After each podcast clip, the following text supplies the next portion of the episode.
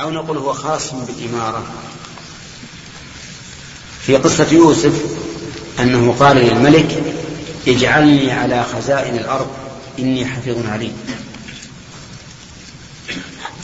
وهذا معناه أن يكون وزيرا على المال. وعثمان بن أبي العاص قال للنبي عليه الصلاة والسلام اجعلني إمام قومي قال أنت إمامهم. وسأله رجل عملا من الأعمال فقال إنا لا نولي هذا الأمر أحدا سأله. والنصوص في هذا تكاد تكون متعارضة أو شبه متعارضة ولكن نقول أما الإمارة فلا يسألها الإنسان أبدا. لا يسألها أبدا لأنها على خطر فإن الأمير قد يرى في نفسه عزا وسلطة على الغير ويحصل منه ظلم وعدوان. وأما غيرها فإذا كان لمصلحة فلا بأس مثل أن يكون القائم على هذا العمل غير أهل له إما لجهله أو خيانته أو ما أشبه ذلك فلا بأس أن يسأل أن يكون في هذا العمل. وعليه تحمل قصة يوسف. لأن يوسف رأى أن أن المال قد ضاع. فقال اجعلني على خزائن الأرض إني حفيظ عليم. هذا هو الضابط. وقد يقال إن, إن هذا الضابط يشمل الإمارة وأن النهي عن السؤال المجرد الذي لا لا يشتمل على مصلحة. فإن كان سؤالا يشتمل على مصلحة بحيث أرى أن الأمير مضيع لأمانته. ظالم لرعيته فأسأل أن أكون أميرا بدله من أجل إزالة ظلمه وغشمه فإن هذا لا بأس به. يعني قد يقول قائل إن حديث النهي عن طلب الإمارة يحمل على ما إذا كان لغير إزالة المفسدة. أما إذا كان لإزالة المفسدة فلا بأس به. نعم. الشرح عندك؟ مع أنه يمكن ما نتكلم عليه.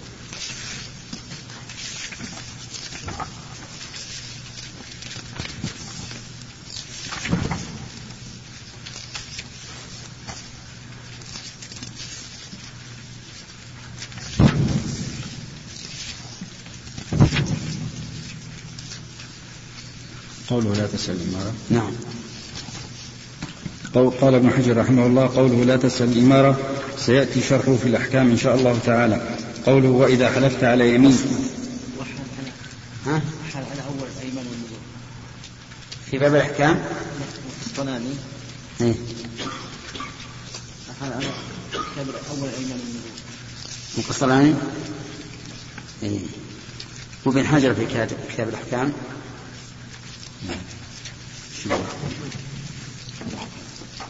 الأحكام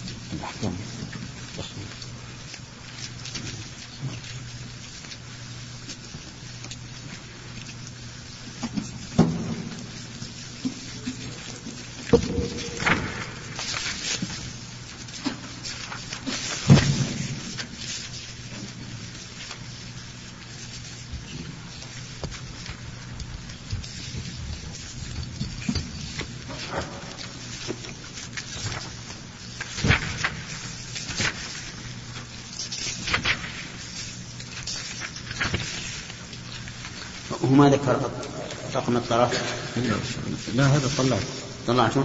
إسماعيل ما تكلم. قال باب من لم يسأل الإمارة أعانه الله عليها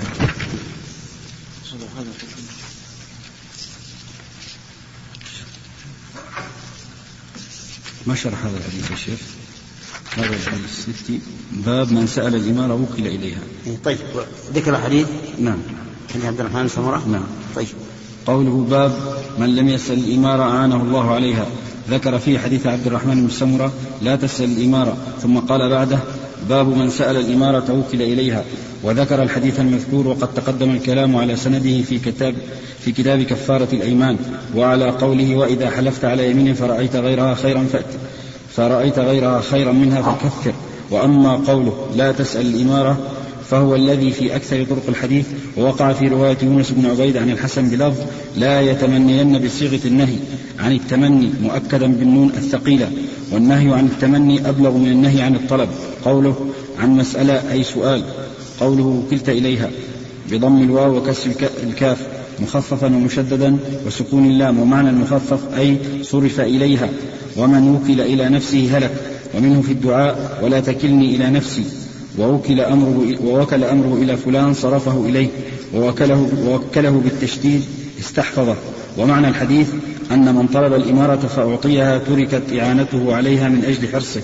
ويستفاد منه أن طلب ما يتعلق بالحكم مكروه فيدخل في الإمارة القضاء والحسبى ونحو ذلك. وأن من حرص على ذلك لا يعان ولا يعارضه في الظاهر ما أخرجه أبو داود عن أبي هريرة رفعه من طلب قضاء المسلمين حتى يناله ثم غلب عدله جوره فله الجنة ومن غلب جوره عدله فله النار والجمع بينهما أنه لا يلزم من كونه لا يعان بسبب طلبه أن لا يحصل منه العدل إذ إذا ولي أو يحمل الطلب هنا على القصد وهناك على التولية وقد تقدم من حديث أبي موسى إنا لا نولي من حرص. ولذلك عبر في مقابلة عبر في مقابله بالإعانة. فإن من لم يكن له من الله عون على عمله لا يكون فيه كفاية لذلك العمل. فلا ينبغي أن يجاب سؤاله. ومن, ومن المعلوم أن كل ولاية لا تخلو من المشقة. فمن لم يكن له من الله إعانة تورط فيما دخل فيه وخسر دنياه وعقباه. فمن كان ذا عقل لم يتعرض للطلب أصلا بل إذا كان كافيا وأعطيها من غير مسألة فقد وعده الصادق بالإعانة. ولا يخفى ما في ذلك من الفضل قال المهلب جاء تفسير الإعانة عليها في حديث بلال بن مرداس عن خيثمة عن أنس رفعه من طلب القضاء واستعان عليه بالشفعاء وكل إلى نفسه ومن أكره عليه أنزل ومن أكره عليه أنزل الله عليه ملكا يسدده. أخرجه ابن المنذر. قلت وكذا أخرجه الترمذي من طريق أبي عوانة عن عبد الأعلى الثعلبي وأخرجه هو وأبو داود وابن ماجه من طريق أبي عوانة ومن طريق إسرائيل عن عبد الأعلى فأسقط خيثم من السند. قال الترمذي ورواية أبي عوانة أصح. وقال في رواية أبي عوانة حديث حسن, حديث حسن غريب. وأخرجه الحاكم من طريق إسرائيل وصححه. وتعقب بأن ابن معين لين خيثمة وضعف عبد الأعلى. وكذا قال الجمهور في عبد الأعلى ليس بقوي قال المهلب.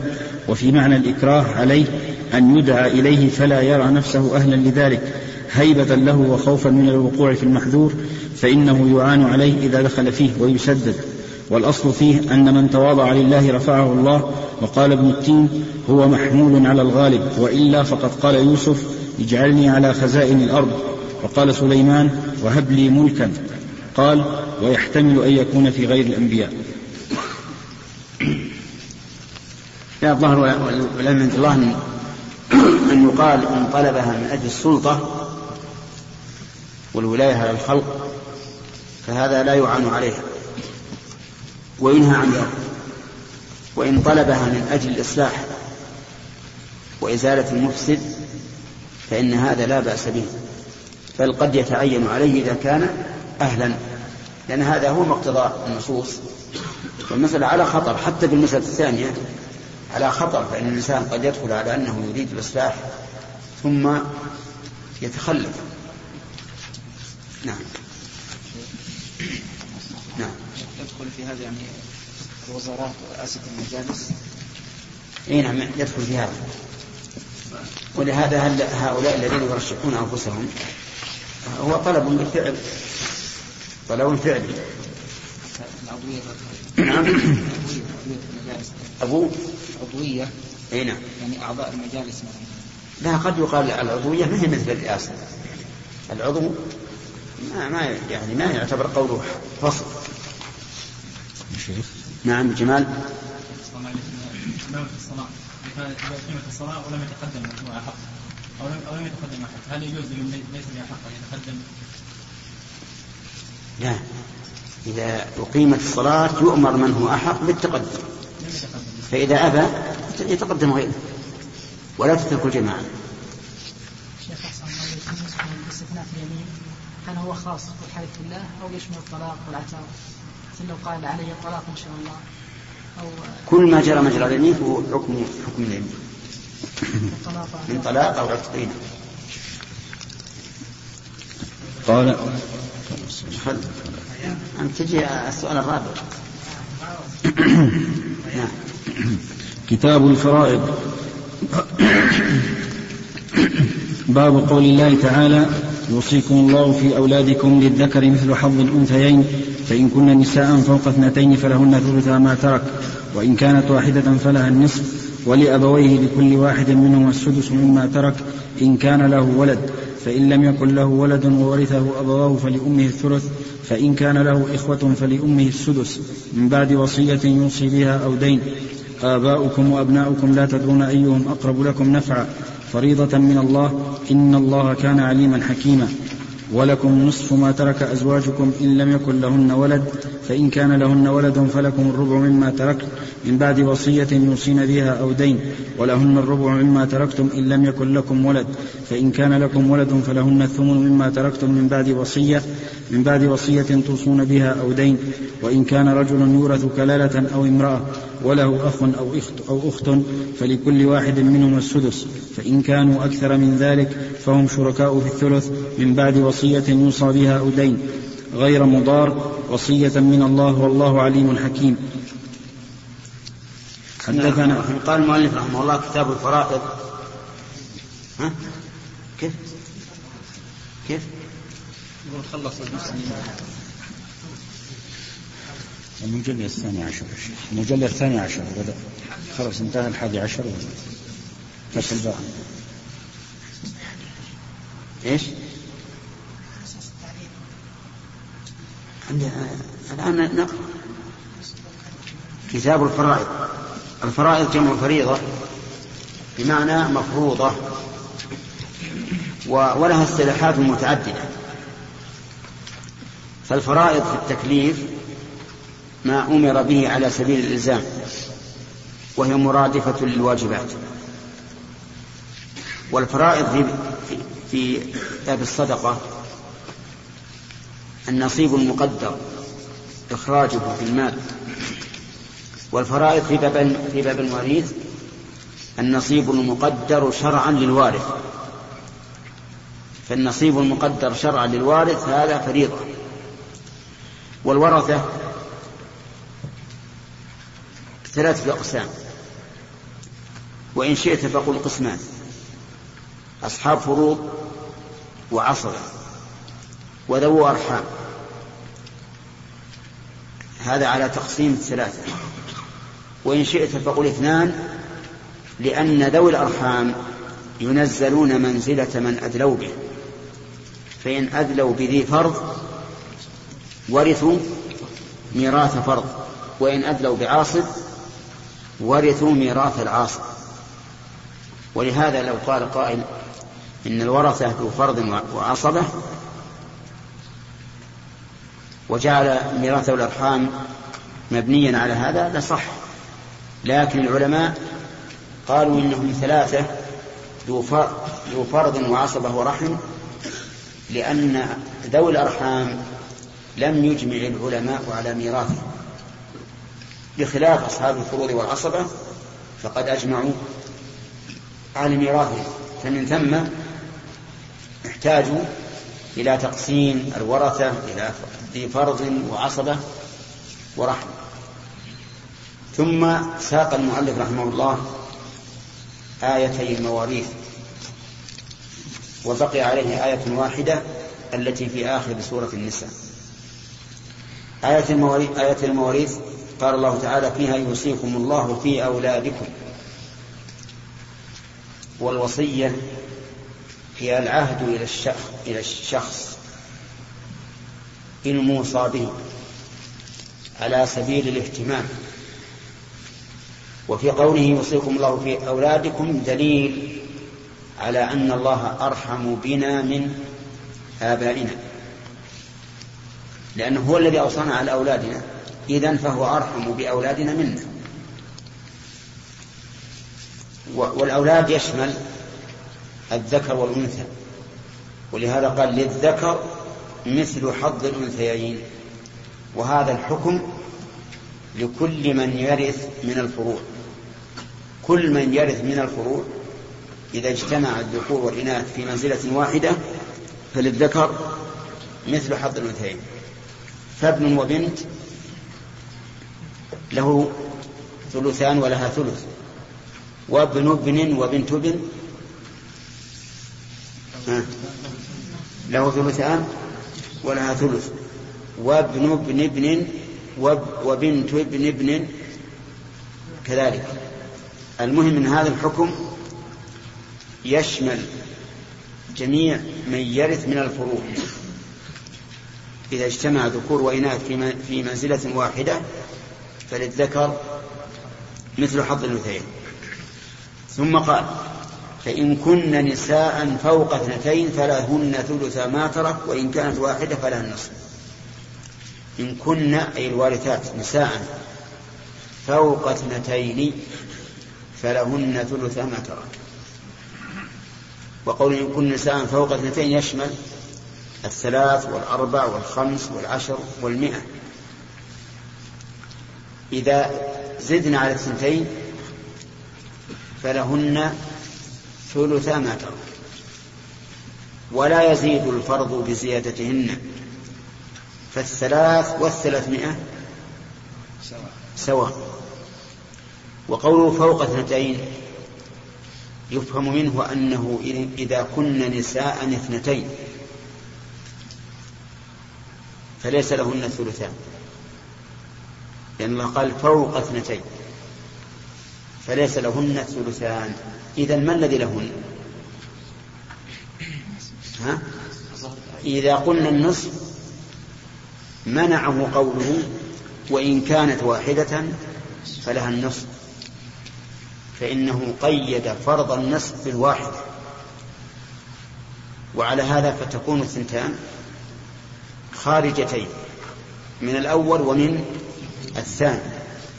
ولهذا قال بعض العلماء إن قوله فوق زائد وأن تقدير الآية فإن كن نساء اثنتين فما فوق؟ ولكن هذا القول ضعيف لأنه لم يعهد في اللغة العربية زيادة الاسم وإنما الزيادة تكون في الحروف. ووجه ذلك أن الحرف معناه في غيره. حرف معناه في غيره والاسم معناه في نفسه. وما كان معناه في نفسه لا يمكن أن يكون زائدا. بخلاف ما كان معناه في غيره فإنه يكون زائدا من أجل القرينة. وقال بعض العلماء بل إن فوق معتبرة. أصلية غير زائدة. وأما الثنتان فليس لهن النصف لخروجهن بقوله أو لخروجهما بقوله وإن كانت واحدة فلها النصف. وإذا كنا لا نعلم للنساء من الفروع إلا النصف أو الثلثين. لم يذكر الله فرضا له للفروع من الإناث إلا ها. إلا النصف أو الثلثين. ليس هناك شيء وسط بين الثلثين والنصف. وإذا كان كذلك فإن قوله وإن كانت واحدة فلا النصف فلها النصف يخرج به الثنتان فما زاد. ويدل لهذا أن النبي صلى الله عليه وسلم أعطى ابنتي سعد بن الربيع الثلثين. أعطاهم أعطاهم الثلثين. ويدل لهذا أيضا قوله تعالى في الأخوات في آخر السورة إن امرؤ هلك ليس له ولد وله, وله أخت فلها نصف ما ترك وهو يرثها إن لم يكن لها ولد فإن كانتا اثنتين فلهما الثلثان مما ترك. قالوا وإذا كانت الأختان لهما الثلثان فالبنتان أولى لأن صلة البنتين بأبيهما أقوى من صلة الأختين بأخيهما. ولهذا أجمع العلماء بأن البنتين لهما الثلثان فيكون فائدة كلمة فائدة فوق الإشارة إلى أن فرضهن لا يزداد بزيادتهن. وأنه مهما بلغ بلغن من الفوقية فليس لهما إلا الثلثان. وإن كانت واحدة فلها النصف. إذا ميراث الفروع تم كاملا بهذه الجملة القصيرة. إذا اجتمع الفروع الأولاد ذكور وإناث في منزلة واحدة ها فللذكر مثل حظ الأنثيين. وإن انفردت وإن انفرد النساء فللواحدة النصف وللثنتين فأكثر الثلثان. هذا ميراث الفروع.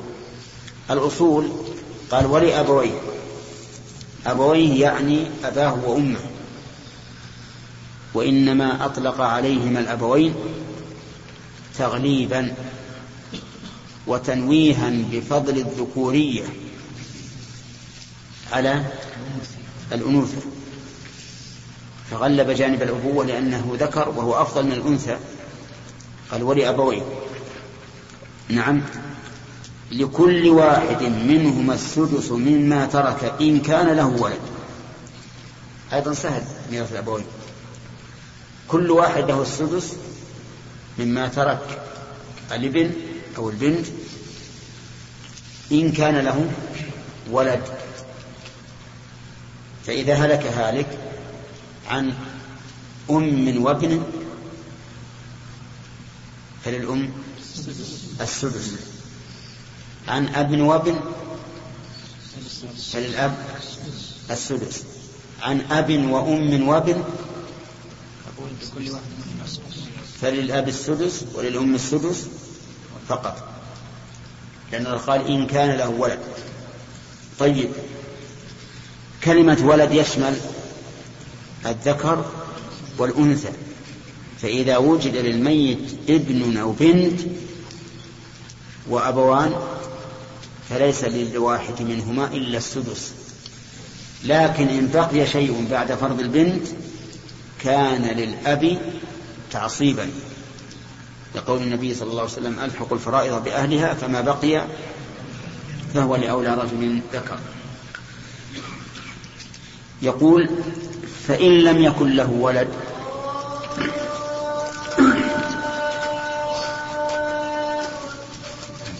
بهذا الشريط يا أحبابنا.